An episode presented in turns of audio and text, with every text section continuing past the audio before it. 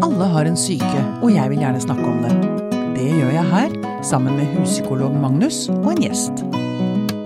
Dette er Pia på syke.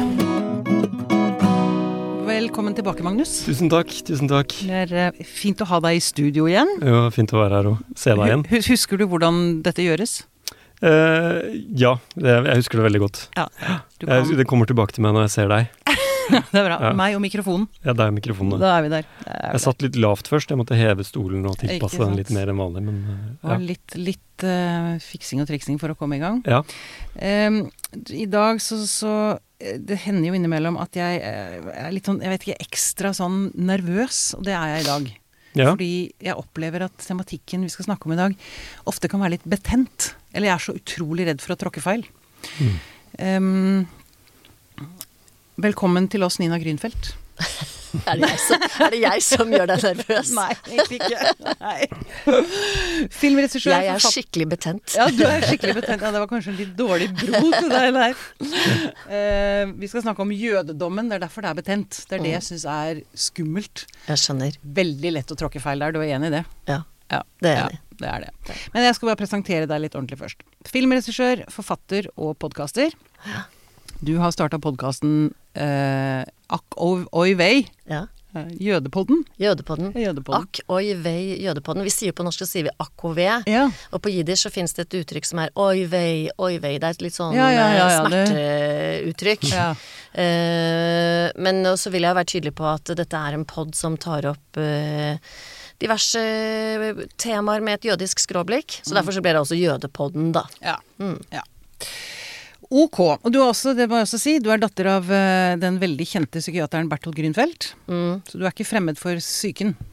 Ikke fremmed for psyken. Han har vært død i 15 år faktisk i år. Oi. Så jeg har jo studenter og sånn. Jeg er jo også professor, må vite, vet du. Ja. På Høgskolen Innlandet. Og da merker jeg at eh, neste generasjon, de husker ikke han. Men Nei. du og ditt publikum husker kanskje Bertolt Grimfeldt. Ja. Det gjør, jeg, gjør vi absolutt. Eller jeg skal ikke snakke for andre. Jeg gjør i hvert fall absolutt det. Altså Jeg synes eh, jødedommen alltid har vært veldig interessant. Jeg syns religion i det hele tatt er interessant, men jødedommen spesielt. Og jeg lurer på om det er fordi den er innhyllet i noe mystisk. Eh, jeg opplever at det er noe sånn mystisk fascinerende med jødedommen. Og så er det selvfølgelig dette ufattelige såret med holocaust Mm. som gjør at det er veldig vanskelig, syns jeg, å snakke om det. For jeg er så redd for å si noe som jeg ikke forstår kan være gærent, eller sårende eller krenkende. Ja, og i tillegg så kommer jo hele Midtøsten-konflikten, som Ikke, ikke minst. gjør det enda mer komplisert. ekstra ille. Ja. Um, men kan jeg bare, kan, kan vi avtale her og nå at dette er en slags sånn krenkefri sone? Mhm. Vi kan prøve. Vi kan prøve. Går, går det an? Jeg kan ikke påstå at jeg ikke er krenkbar, men eh, jeg, jeg, skal, jeg skal gjøre så godt jeg kan. Ja. Ja. Men vil du si at du Kan det hende at du, fordi du kanskje er medievant, at du er mindre krenkbar enn andre jøder, eller? Ja, det tror jeg nok. Og jeg tror nok også at jeg har et mer avslappet forhold til mye av det som andre lett, eller kanskje vil bli, om ikke krenket, så i hvert fall føle seg ukomfortable med, da. Ja. Men eh, det er jo ikke verre enn at jeg kan bare si at nå er jeg uenig med deg. Nei, men nettopp. Det, er jo, det gjør vi jo alle mann, hele tiden. Ja. I diskusjoner. Ikke sant? Så det er, jo, det er jo egentlig det du toucher borti der, er jo nesten det vi- som handler om ytringsfriheten. Ja. At, eh, og her inne så tenker jeg vel det rommet ganske stort. Ja, ja, her, absolutt. Og her snakker vi om veldig mye rart, vil jeg si. Men du, Magnus, kan jeg bare høre hvordan du Hva tenker du? Er, er du også litt sånn redd for å tråkke over streker her? Eller Eh, forstår du hvor jeg kommer fra? ja, det kan jeg sikkert uh, forstå. At det er eh, betente sider ved det å diskutere jødedommen. Mm. Jeg er jo ikke så redd for det selv, egentlig. Jeg er jo litt interessert i det Mm. eh, som tema. Mm. Eh, og Men eh, vi får finne ut hvor grensene går i dag, da. Men jeg blir veldig nysgjerrig på hva innebærer å være litt interessert eller interessert i det hele tatt. Altså dere som da ikke har jødisk tilknytning selv. Mm. Um, Jeg har en venninne som pleier å si noe som jeg syns er ganske på spikeren, og hun er jødisk, og hun sier at det, det er interessant med goyim. Goyim er jo et litt sånn nedsettende ord om ikke-jøder. Uh, Goyim, goyim.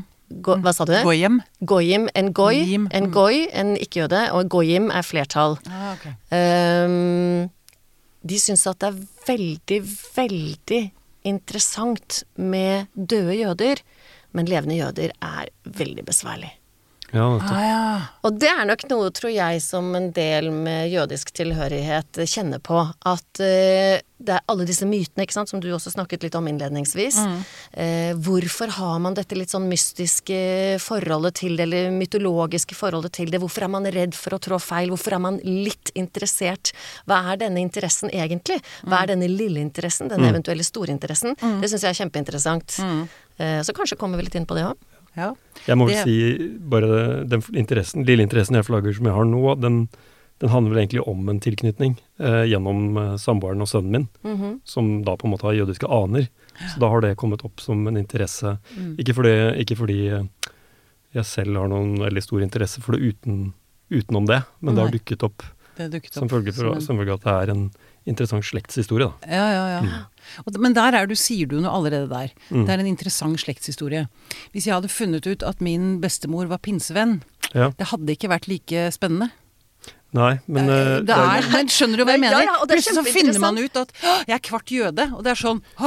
Ja, ikke Men, sant? eh, men- Og hvorfor det, er- det er der det ligger. Hvorfor er det så interessant? Jeg får mange Her er sånne det- henvendelser fra folk som sier at eh, jeg har funnet ut at oldemora mi eller altså, Mm, noen må ha vært jødisk. Vi har aldri visst hvor hun egentlig kom fra. Mm. Hun var veldig mørk. Hun hadde til og med en aksent. Eh, Det ble ikke snakket om, men jeg tror nå at det er det som må være forklaringen. Ja. Og kanskje er det det, kanskje er det ikke. Men da vekker det helt klart noe spesielt. Ikke sant. Men det er jo ikke rart. Det, er vil jeg bare si, det er jo ikke rart. Hvis pinsevennene var en forfulgt minoritet som eh, alle visste om, Mm, og det hadde dukket opp at jeg faktisk hadde pinsevenner i min familie som hadde holdt det skjult, mm, så hadde jeg vært interessert i det òg. ja, og det er jo egentlig, det er egentlig så enkelt for min del, da. ja. Var det det du skulle Ja. til å si i sted? Eh, Når vi avbrøt deg. Nina og jeg snakket oppå hverandre og oppå deg. Nei, Ja, jeg var to bare- engasjerte damer. ja, ja, ja. bli ja. Men jeg, jeg fornemmer også at man kan oppleve noe av det samme i, i forhold til tilknytning til samiske miljøer.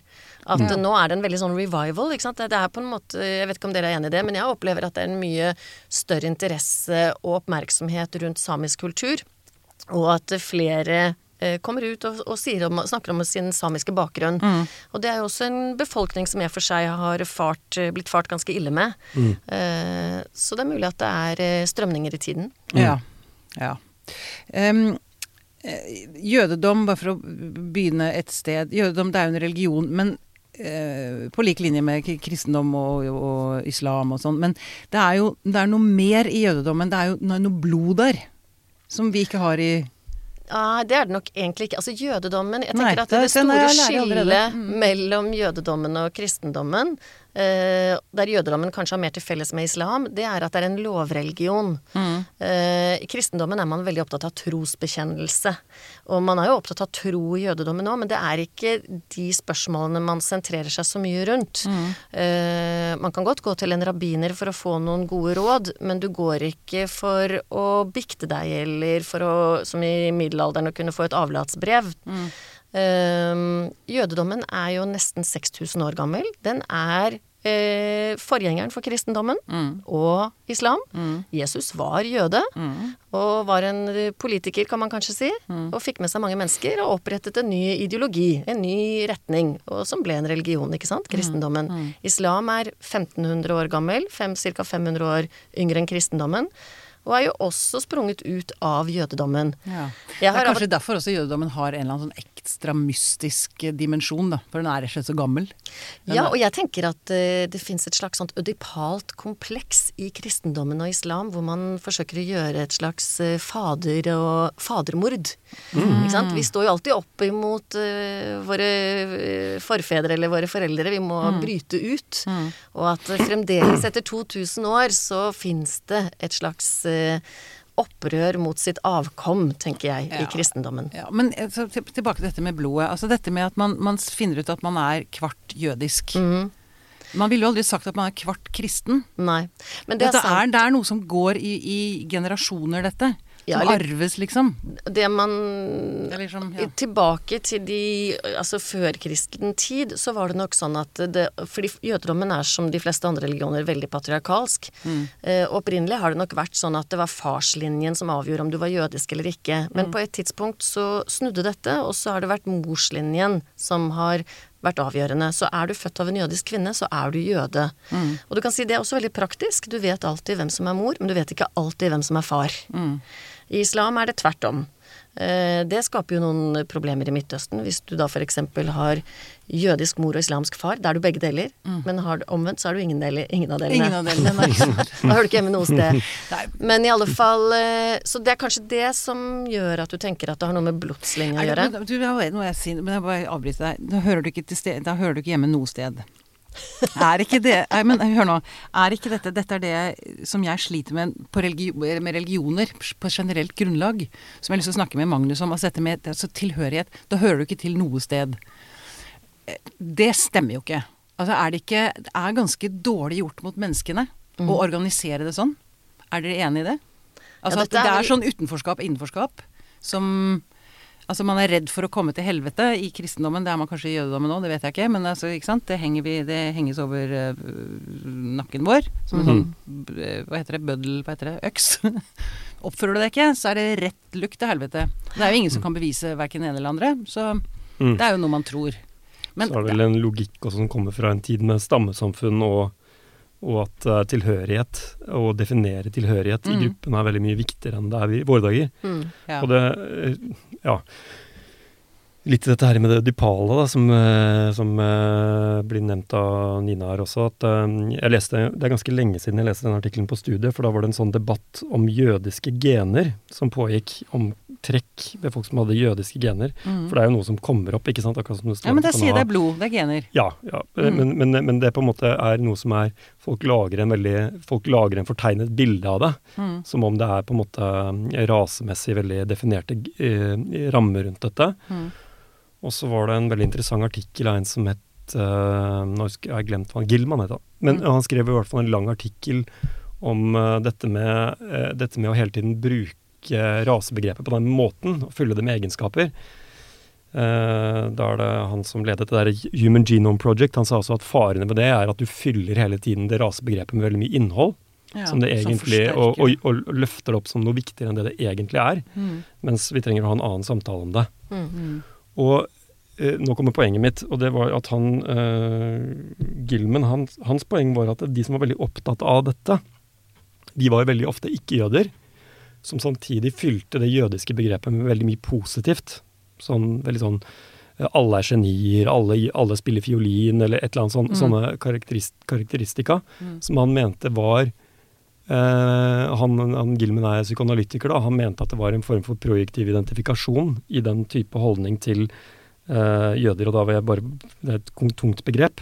Mm. Men det vil si det at det ligger, sånn som han ser det, motivert ut av en veldig fiksert opptatthet av en gruppe mennesker som er noen andre. Hvor man har en eller annen grunnleggende misunnelse av noen egenskaper som man fantaserer inn i den gruppen. Mhm. Og så har man også det problemet at man aldri kan bli dem, fordi de er en annen gruppe. Mhm. Og måten å håndtere det på, da, det er ved å, å generalisere og gjøre de, redusere de til en gruppe med litt sånn enkle karakteristika. Så man på en måte er høflig og vennlig og fyller det med pent innhold, men, mens han opplever det som ekkelt, da. Å bli eh, satt eh, i bås I bås. Mm. på, den, på den måten. Mm. Mm. Og det tror jeg egentlig, i hvert fall i USA eh, bodde et år, Jeg har jo bodd et år i USA på high school.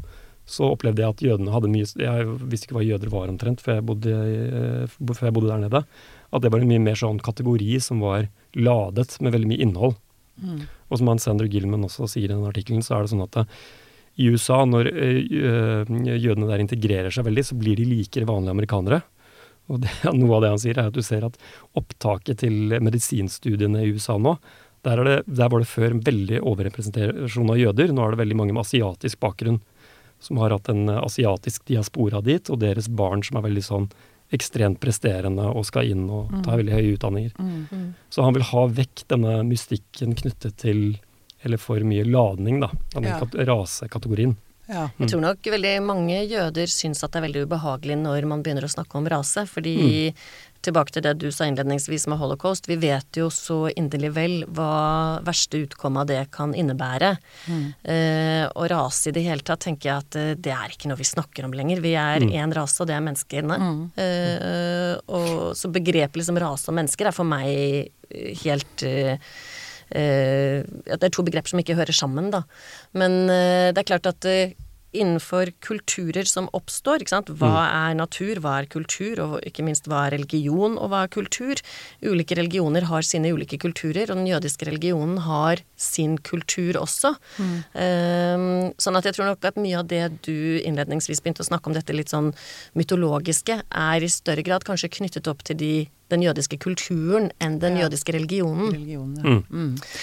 Men eh, fordi jeg, jeg, lurer på Jeg har lyst til å eh, spørre dere, deg litt mer om også hvorfor eh, dere ble så forfulgt. Men altså, jeg har en Eller altså, det, det som, er, som jeg opplever som problematisk med jødedommen, da, det er at dere sier at dere er Guds utvalgte folk. Jødene sier ikke det. Nei. De kristne sier at jødene er Guds utvalgte folk. Jødene sier ikke at vi er Guds utvalgte Mener du det? Det mm. mener jeg da bestemt at jeg har lest. Ja, hvor hen da? Nei, det, det, no... det, har du sikkert. Det er en sånn etablert men, eh, sannhet ja, for meg. At, ja. at, men, men, det er veldig kult. Men det er en etablert antisemittisk sannhet. Er det det? Ja, mm. Om at uh, jødene Ikke sant, altså jøder har blitt uh, opp gjennom mange, mange hundre år blitt utsatt for forfølgelse og pogromer, ikke minst, mm. mye i Øst-Europa. Mm. Og det fins masse myter om at de slapp slaktet kristne barn for å få blodet deres til matsebrødet, det usyrede brødet de skulle ha til Pesach, som faller okay. omtrent samtidig mm. med påske osv. Altså, all, det er mange sånne mytologiske fortellinger. Og i dette narrativet her også, så øh, fins det jo denne myten om at øh, jødene er Guds utvalgte folk. Og det kan godt hende Altså, jeg er jo ikke en, øh, en Jeg har ikke gått i en yeshiva eller i en, en religiøs skole. Altså, jeg, mm. jeg er ikke en religiøs øh, kunstner kunnskapsrik person. Mm. Men eh, Så det kan godt hende at du vil finne en jøde som mener at vi er Guds utvalgte folk. Men eh, dette er, så vidt meg bekjent, et, eh, en uttalelse som i mye større grad har blitt brukt av kristne, nettopp mm. for, å, for, å, kunne utøve antisemittiske handlinger. Ja, ja. Ok. Mm. Hm. Og um og ikke minst det der, det blir jo hele tiden aktuelt også med, med øh, jødedommen også i våre dager, med konspirasjonsteorier som florerer på nett. Mm. For der også er det jo, øh, tenker jeg også, den blir brukt øh, fremdeles. for noen har jo brukt Man får jo inntrykk av at det brukes som Jøder som gruppe brukes for å forklare alle mulige historiske sammenhenger som er vanskelig å forklare på en annen måte. Og nå er det jo i Ungarn f.eks. denne antisemittismen som kommer til uttrykk fra det ungarsk, mange ungarere mot han Hva heter han igjen? Orban. Soros? Soros? Oh, ja, Soros, Soros. Ja. Soros. Soros heter han. Mm. Ja. Uh, er jo også litt sånn derre uh, uh, Ja, det er utrolig hvor mye kraft det får. Altså Man lurer mm. på hvordan det kan få den kraften det får. Mm. men det er jo Ja. Ungarn har sin historie, og det, ja, det, er, en, det er jo en spesiell politisk utvikling som skjer der nå. Mm. Ikke bare der, andre steder òg. Ja, mm. jeg, må bare, jeg må prøve å dra det, dra det tilbake til psyken. må ikke skli ut i Pia og politikken. Men eh, det kan nok tenkes ikke sant, altså tilbake til uh, hvor gammel jødedommen er. Uh, og hvis man tenker at jødedommen på mange måter er en slags urreligion, det er det jo faktisk, mm. så, og du tenker at man sier at jødene er Guds utvalgte folk, så blir jo det sett i et datidig perspektiv mm. førkristen tid egentlig det samme som å si at menneskene er Guds utvalgte folk. Ja. Uh, så igjen, dette er nok en, en saying som på, må fortolkes i en mm. kontekst, da. Ja, ok. Mm. Ok, um, så uh, må vi litt over på uh, krenking. Mm. Um, jeg opplever jo generelt, på generelt grunnlag i samfunnet at det er altså, krenkelseshysteriet når stadig nye høyder. Mm. Og så har jeg ofte tenkt det også, uten at jeg har noen konkrete eksempler, på at, jeg, at jød, jøder er bli, Altså, det, det, skal veldig lite til. Dette er sånne ting som jeg syns er veldig ubehagelig å si, men mm. jeg må si det. Akkurat derfor må jeg si det. Kjenner du igjen det? Ja, innimellom så tenker jeg at du har helt rett i det. Ja. At uh, jøder er veldig hårsåre. Mm. Um, men så tenker jeg at det er veldig sjelden noen er villig til å sette seg ned og prøve å forstå hvorfor denne hårsårheten er ja, til stede. Ja, og det er derfor vi er her, blant annet. Fordi det er det, men det er det jeg har lyst til å forstå. Hvorfor? For jeg, jeg sliter med å sette meg inn i det. Altså, jeg, jeg, å bli forfulgt altså det, det, blir som, som, som eh, LGBT homosaken. Ja. Ikke sant? Jeg forstår at å bli angrepet for det man tror på, eller det man føler, er jo bare helt grotesk feil. Punktum. Mm. Det, er, altså, det er ikke noe å diskutere. Mm. Um, men, eh, men er det f.eks. lov til å spøke med jødedommen? Jeg, jeg tenker jo at det er det. Eh, og jeg syns jo, på lik linje med de fleste sånne standuper og sånn, at man skal kunne spøke med det meste. Men så skal jeg nok samtidig være ærlig nok og si at det er ikke alt jeg syns er like morsomt. Og så må jeg også være ærlig og si at det, det er kjempegøy når jøder spøker med jøder, men det er ikke så morsomt når ikke-jøder gjør det. Gjør det? Nei. Uh, og der er nok Ikke sant. Og der må jeg på en måte gå litt uh, i dialog med meg selv. Hvorfor syns jeg det er så komplisert? Og det er nok at man er litt paranoid. Men Ja. det at man er paranoid, betyr jo ikke at man ikke er forfulgt.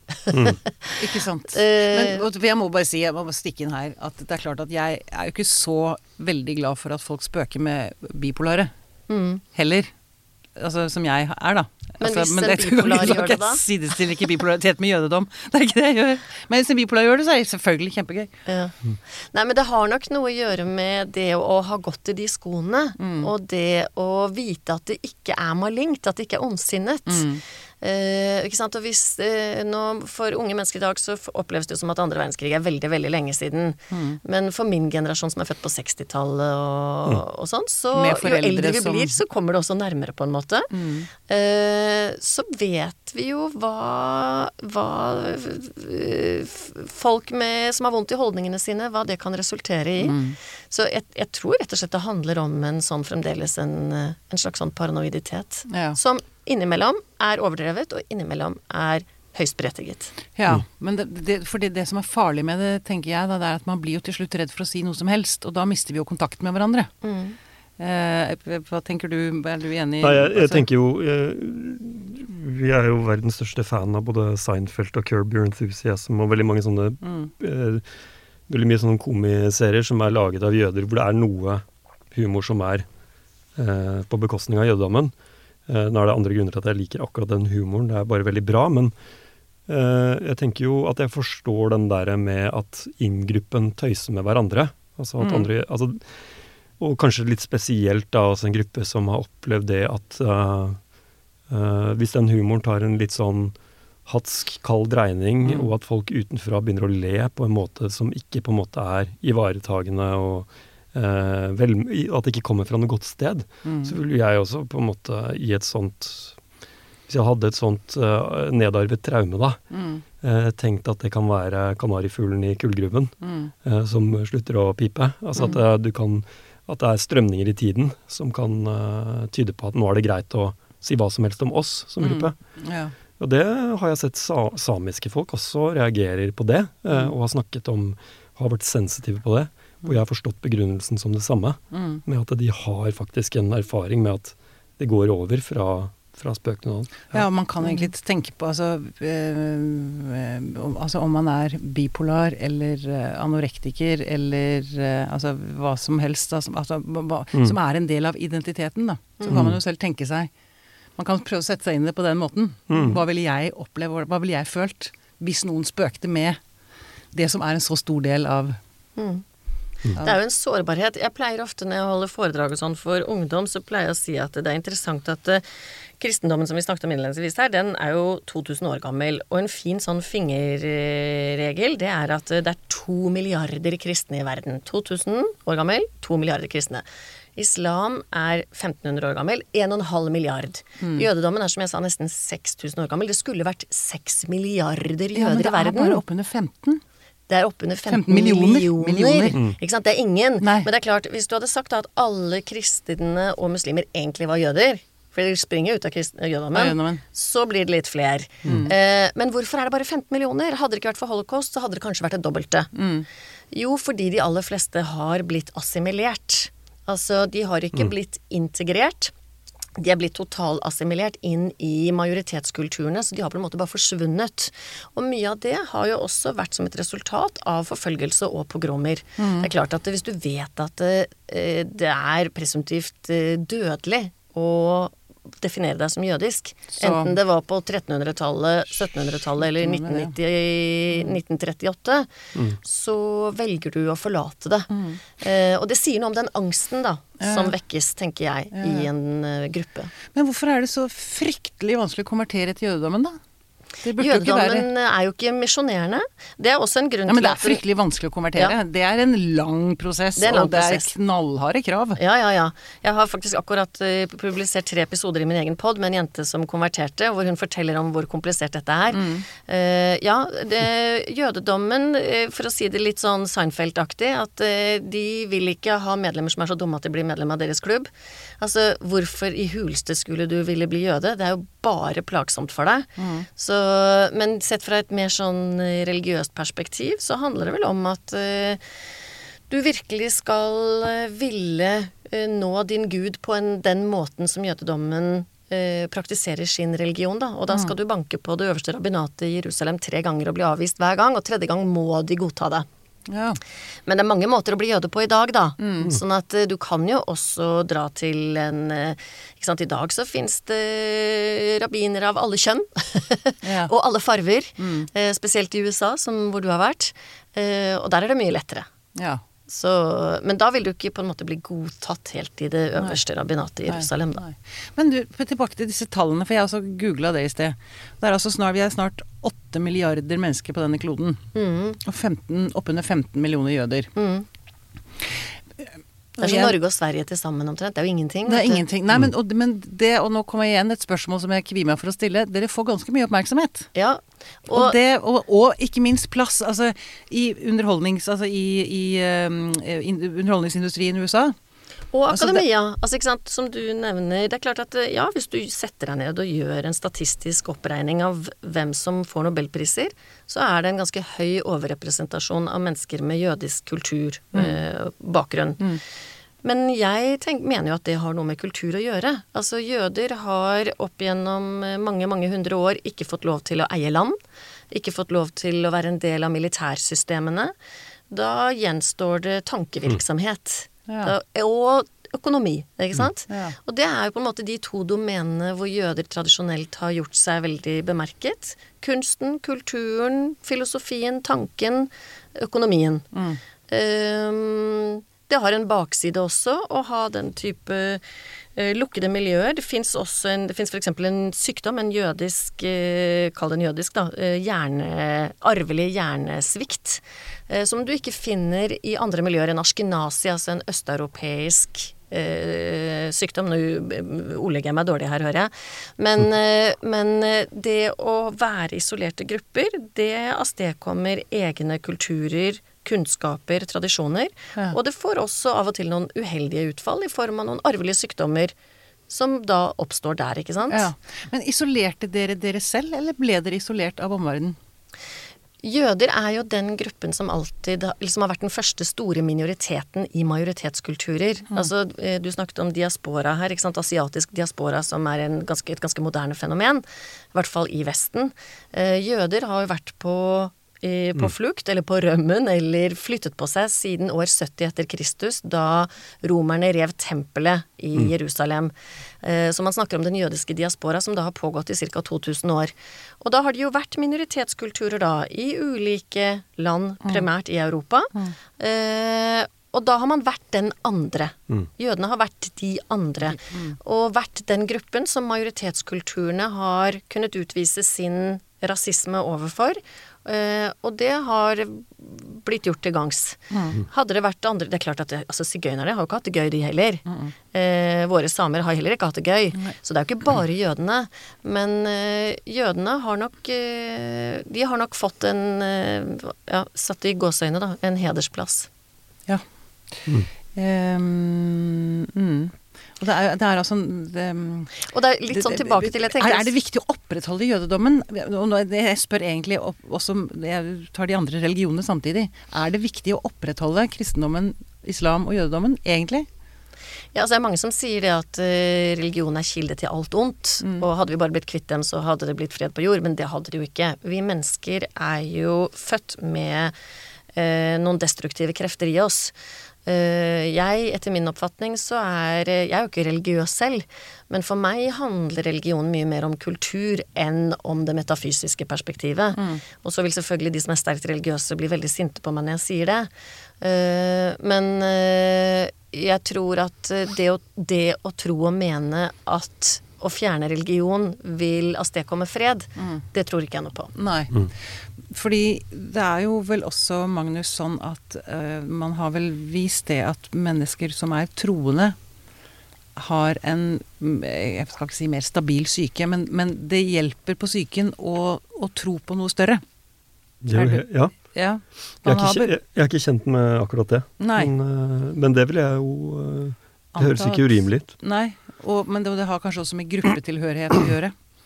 Kanskje så like handler mye det vel som dypest sett egentlig om tilgang på ressurser. Altså, det er jo alltid en kamp, 'survival of the fittest'. Mm.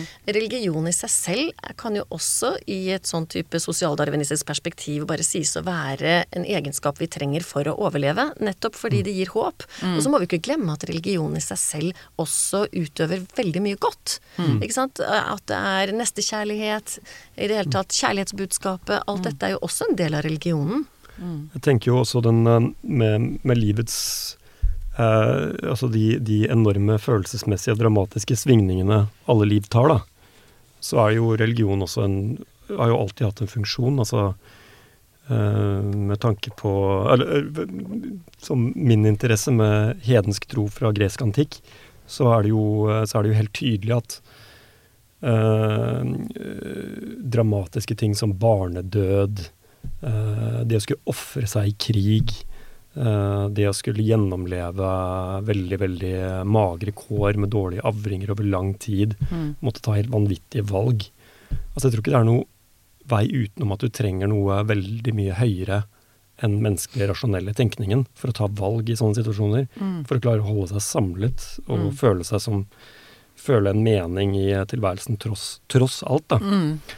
Mm. Og det tror jeg det, tror jeg det lever til vår dag i dag. Altså, jeg tror det er lett å være ateist i et veldig veldig fredelig og beskyttet samfunn. Mm. Og så er det noen som sier at det finnes ingen ateister i skyttergravene. Mm. Det finnes ingen ateister i skyttergravene, det tror jeg på. Mm. Da ber du til Gud. Da, Mm. da Din Så det, er det det kommer, da kommer troen litt sånn spontant. mm. Så det er sikkert, sikkert noe så jeg, jeg også liker å tro det at det Altså det er jo veldig For meg så er det i hvert fall veldig sånn øh, forskjell på, på den personlige troen og den, eh, den litt sånn åndelige eh, søkenden som hvert individ har, Mm. og, og den, den med på, sånn, på en måte det som mange forbinder med religion når de snakker negativt om det, som er litt mer de der strukturene som forteller hvordan, hva, hva folk skal gjøre og ikke gjøre, og, og som gjør at folk blir ufrie. Og, og i Mm. hvert fall når de sier at disse er dårligere enn oss, Mm. fordi vi er sånn, Mm. og de er sånn. Det er jo noe annet igjen, da. Mm. Mm. Men det er, eh, jeg, jeg syns det er litt interessant i forhold til altså Det er klart at eh, religion og kirkesamfunn og alt dette her sånn er jo også en måte å strukturere et samfunn på. Mm. Eh, og så ser vi jo f.eks. sånn som med Vatikanet og katolisismen, der det har blitt enormt store rikdommer, så skaper jo det korrupsjon, Ja. ikke sant. Og det skaper jo skikkelig dårlige holdninger. Pluss at, tenker jeg da, og dette er ikke til forkleinelse for folk som har valgt å ikke få barn og ikke kan få barn, men jeg syns det er interessant med Vatikanet og eh, katolisismen, der de kirkelige jo ikke har lov til å få barn, ikke sant. De har ikke lov til å gifte seg. Og hva avstedkommer det? Jo, det avstedkommer jo en veldig sterk kultur der eh, mennene ikke får barn. De får faktisk aldri De blir frarøvet muligheten til å oppleve den kjærligheten det er å elske sitt barn. Jeg tenker at det emosjonelt gjør deg ganske avstumpet over generasjoner. Er. Når hele kulturen er bygget på at man ikke har avkom som du elsker høyere enn deg selv. Da elsker du jo alltid deg selv høyest, eller eventuelt din gud, hvis du elsker din gud. Og de som skal arve jorden, har du ikke den kjærligheten til. Ikke sant? Og dessuten så har du heller ikke videreføring av kunnskap, slik du viderefører kunnskap til dine barn. Altså du gjør det gjennom selvfølgelig Bibelen og bøkene og kulturen osv.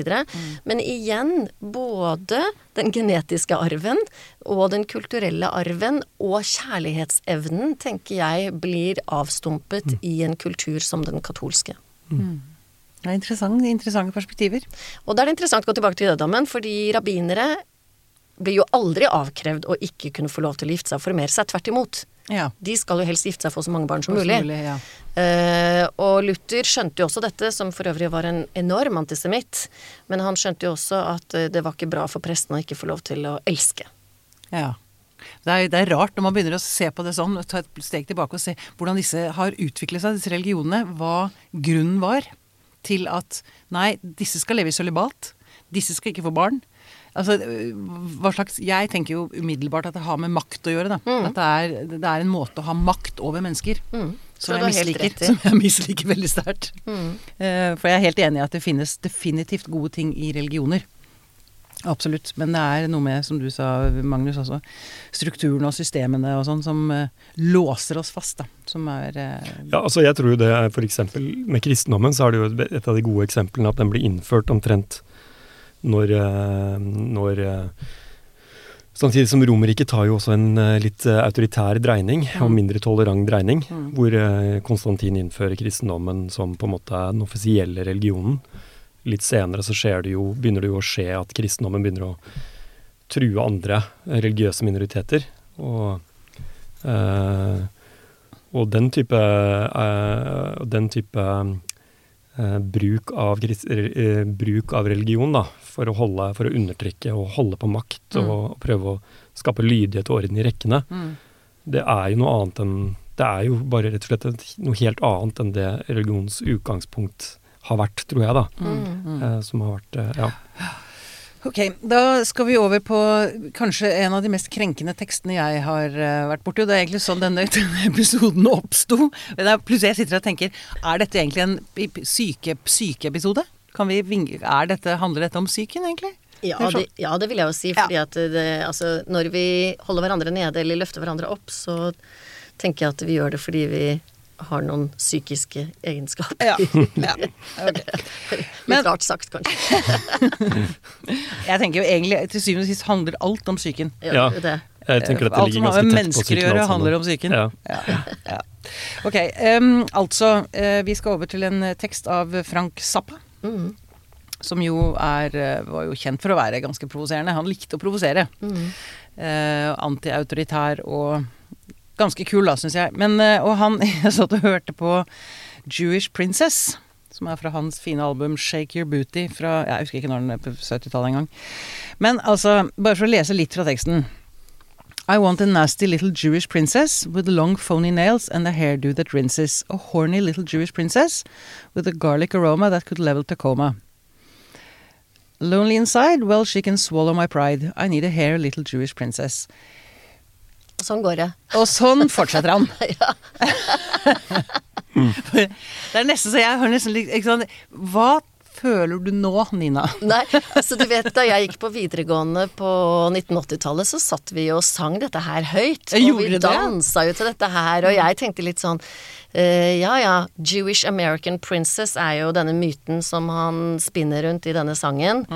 Eh, og det var veldig interessant at du tok kontakt med meg, og jeg satte meg ned og begynte å lese den igjen. Så tenkte jeg altså, i dag hadde han jo blitt kansellert etter ett og et halvt sekund. Ikke sant? Det hadde jo ikke, hadde ikke blitt spilt noe sted. Nei, og det skapte jo kontroverser på den tiden også. Altså denne låta her kom vel ut uh, på begynnelsen av 70-tallet, var det det? 79? Eh, Ni var det så seint, Ja, 79 tror jeg det var. Mm, mm. Eh, og det som heter eh, Anti-Defamation League, som er denne organisasjonen som ivaretar Eller som skal forsøke å bekjempe antisemittisme og i og for seg all form for rasisme og bygge opp under demokrati og ytringsfrihet osv., de gikk jo veldig sterkt ut mot denne sangen. Og etterpå så lagde han jo da også denne her Catholic Girl-sangen. Mm. Han prøvde liksom å kanskje å moderere seg litt. Jeg prøvde å finne på nettet hvordan han selv forsvarte seg, og jeg tenkte det skal bli litt interessant, for jeg regner med at han er skikkelig god på å forsvare seg. Mm. Jeg syns han gjorde en utrolig dårlig jobb. Nei, gjorde han det? Ja, han hadde jo da, han, Altså det jeg har klart å finne, da, så hadde han egentlig bare ett argument, og det var at så lenge det fins Hvis man tror at I motsetning til at unicorn, så fins det Japs, Jewish American Princesses. Og da må vi også kunne stå for det faktum at de fins, og da må vi kunne omtale dem. Men eh, du skal lete lenge, tenker jeg, i dag etter å finne noe mer antisemittisk enn det der. Men hva, hva, er, det egentlig? Altså, hva er, hva er liksom stereotypien? Jewish American Princess. Det er noe som egentlig oppstår på 50-tallet i USA. Og som eh, Det er interessant, og det står mye om det på nettet. Det har vært forsket rundt dette her, og mange sosiologer, og spesielt innenfor amerikansk akademia og sånn, så er det mange interessante artikler. Eh, Jeg tror man må se det i relasjon til eh, velstandssamfunnet. Eh, amerikanere, eller jøder som da primært emigrerer fra Øst-Europa til USA fra 1800-tallet og utover. Eh, som alle andre innvandrere, begynner i, på det fattigste og jobber seg oppover. Og når du kommer til 1950-tallet etter andre verdenskrig, så har de etter hvert blitt middelklasse. Og etter hvert så blir de også enda mer etablert. Da kommer det inn nye grupper som kommer inn og blir de fattige på Lower East Side på, i New York osv. Og, mm. og jentene her sånn, eh, myten rundt den jødisk-amerikanske prinsessen er jo da de som har kommet høyere opp, som har fri tilgang til pappas eh, kredittkort, som har stort, mørkt, eh, flott hår og gjerne en litt stor nese, jf. all annen antisemittisk eh, karikaturgjengivelse. Eh, hun er ofte veldig fri, seksuelt utagerende, som i og for seg er i en lang linje med gammel, god antisemittisme om eh, Judith, eh, denne bibelske skikkelsen eh, som forfører menn. Um, så dette er en, en, slags moderne amerikansk arketype av en, en uh, harselering av jødiske unge kvinner. Uh, det kom et klesmerke på 90-tallet som heter Juicy Couture, er det den heter? Har ikke hørt om. Ja, det er sånne der kosedresser ja. som er sånn i sånn flam, ja, ja, sånn genille. genille ja. Som du kan få i alle mulige farver. Mm. Og så står det en sånn gulljod foran. Den ble faktisk produsert og designet og lansert av to jødiske jenter i California, og som ble en megasuksess. Du får det her i Norge òg. Mm. Altså min datter som er 24, og hele hennes generasjon, de har jo gått med dette her. Uh, dyrt. gir jo litt sånn assosiasjoner til at du er litt lazy. Madonna gikk mye i Juicy Couture. Uh, så det er liksom et av kjennetegnene på en jap. Men ja. selvfølgelig også mange andre som da går i en juicy couture. Ja, okay.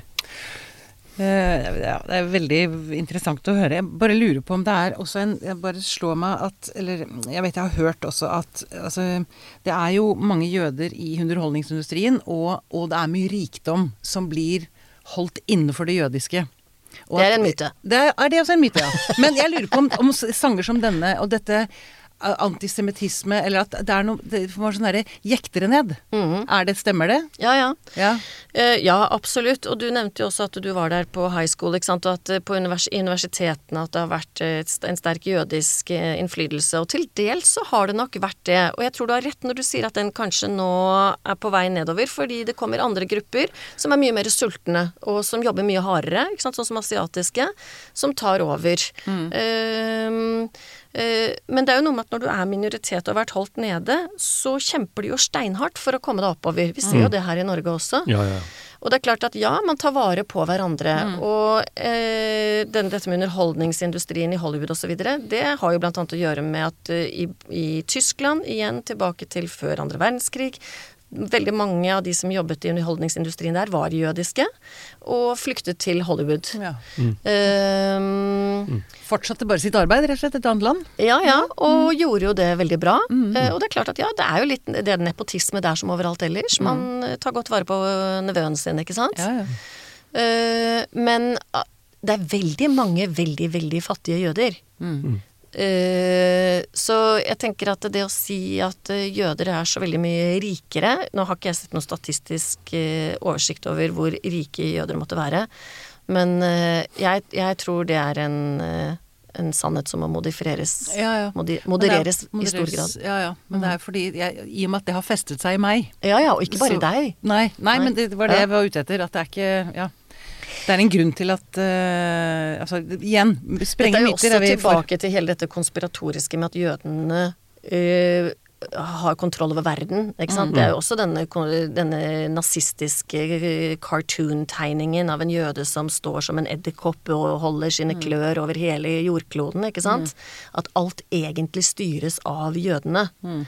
Og det er klart at tror man på det, så er det jo nærliggende å tenke at de er veldig rike. Ja. Mm. Men så kan man jo også si at egentlig så styres jo alt der fra jødene, fordi alle mennesker, alle religioner oppsto fra jødedommen. det er nok veldig mange som ikke har lyst til å bli definert Det er ikke det de egentlig mener når de som driver og anklager han derre Soros for det. Du, eh, mot slutten Nina, så har jeg bare lyst til at du skal fortelle litt om Coexista. Oh, ja. Det er litt gøy. Ja. Jeg, kom, jeg så armbåndet ditt, tenkte jeg søren glemte å ta på meg i dag. For det hadde jeg. Ja. Det har jeg kjøpt. Nei, du, det var et prosjekt som jeg startet i 2015, egentlig som et, uh, en respons på terroren mot Charlie Hebdo. Som Ja. jo også var et terrorangrep mot en kosherbutikk. Og ikke helt uvanlig at man ser, ikke sant et, uh, Dette her var jo radikaliserte islamister, som jo ingen ikke har noe med islam og muslimer å gjøre for øvrig, men uh, terrorister som valgte å gå til angrep mot ytringsfrihet. Og det hender jo at det skjer, og da hender det at de samtidig gjerne tar et angrep mot eh, en jødisk institusjon. I Frankrike ser man jo ikke det rent sjelden at det går til angrep mot både skoler og barnehager, og ganske kort tid etterpå så var det jo også et angrep mot Krutthønnen kultursenter i Danmark, og mot synagogen i København. Eh, og jeg ble selvfølgelig veldig frustrert og lei meg over dette her sånn, og så så jeg til min store glede at jeg var ikke den eneste som ble frustrert. Det var blant annet ganske mange unge muslimer i Oslo som ble kjempefrustrert, og som sa at dette er ikke vår islam. Og så lagde de det de kalte Fredens ring rundt synagogen. Og jeg ble så glad. Og veldig mange av mine jødiske venner og bekjente ble selvfølgelig også glad. Og så tenkte jeg hvis disse unge menneskene kan gjøre det, da kan jeg også bidra med noe. Så tenkte jeg jeg lager en sånn peace, love and understanding armbånd. Som egentlig er ganske langt fra min komfortsone og det jeg vanligvis driver med. Men jeg tenkte nei. Det skal jeg gjøre. Og det ble da dette armbåndet Coexista, som eh, er et trådsmykke. Eh, og som eh, har tre symboler på seg, litt sånn subtilt inngravert i noen mynter. eh, og som vi lanserte på Nobels fredssenter høsten 2015. Ja. Og som har tikket og gått. Og de tre står for ja, det er jo korset for kristendommen, det er halvmånen for islam, og det er davidsstjernen for jødedommen. Ja. Så det fins jo selvfølgelig de som da ønsker seg også det humanetiske tegnet, og man kunne jo ha tatt på mange andre tegn, og det, det forstår jeg. Men, men nå er det nå engang dette budskapet jeg har forsøkt å si noe om. Disse tre monotoistiske religionene som vi har i vårt vestlige samfunn. Eh, Og noen andre tar lager noen andre armbånd, da, vet du. det kan de gjøre. Så dette har vært et veldedig prosjekt. Jeg har ikke hatt ressurser helt til å fortsette med det, så en, nå kaller jeg det et holdningsskapende prosjekt. Ja. Og er fremdeles i live via en liten nettbutikk. Det er veldig bra. Jeg er veldig, Veldig veldig, for sånne, altså, eh, sånne prosjekter som Det var utenfor din komfortsone. Er det fordi du følte at det var litt sånn patetisk, liksom? Ja, du vet, jeg, det, er litt sånn eh, eh, Nå er det veldig mange som blir veldig sinte på meg, men det er jo en del damer som syns at det er fint å holde på med interiør og litt smykker og litt sånn. Og ære være dem for det, fordi jeg syns det er hyggelig å ha det pent rundt meg og kjøpe smykker. Men det er ikke helt der jeg tenker at jeg er. Nei. Men nå er jeg det, fordi jeg har jo laget armbånd, jeg òg. Ja, men det er fint å være, være litt sånn, hva skal vi si, naiv. Og være åpen, altså gjøre ting som Ja. Gjør folk glad. Ja. Det er, kan aldri bli feil. Syns du skal si opp professorstillingen din og begynne som bloggedame som lager smykker og litt sånn Ja, forskjellig? men nå har jeg podkast og smykker, så kan jeg begynne å sy noen puter, og så blir det Ja, ja. fullbefant. ja, ja da har du slått deg helt fri. Er det noe du har lyst til å legge til eh, på slutten, Nina, som du tenker vi Jeg kunne ha snakket veldig mye mer Ja, om jeg Zappa, da. Ja, Zappa kunne vi, snakket, vi kunne snakket mye om veldig mye av det vi har vært innom her. Men eh, Nei, da må det jo til slutt bare bli at Det må jo bli litt sånn som Shakespeares uh, 'Kjøpmannen i Venedig'. At uh, kiler du meg, så ler jeg, jeg òg. Og skjærer du meg i kroppen, så blør jeg. Og det her er nå, jeg, jeg husker ikke nøyaktig hva kjøpmannen i Venedig sier, Shylock. Men det handler jo om denne kjøpmannen som, uh, som da må skjære ut et pund av sitt hjerte. Og det er jo Da lever du jo ikke godt. Eh, med ja, Nei, det, jeg, kommer du til å redigere? nei. Nei. For da tenkte jeg da kunne jeg få sagt det om igjen. Okay. Ok. Si det om igjen. Jeg sier det Jeg helt lar deg bare spille. Ja. Nei, men da må jeg bare si at eh, vi jøder har eh, 23 kromosomer, vi òg. Mm. Med mindre du er eh, født med en arvelig sykdom fra et ashkenazi-miljø. Mm. Eh, så eh, vi er egentlig ganske like alle sammen. Ikke sant. Det handler bare om å behandle hverandre med respekt og omsorg. Det er Ja. ikke verre enn det, Ja. egentlig. Nina Grünfeldt, tusen takk for at du kom til oss. Takk for at jeg fikk komme.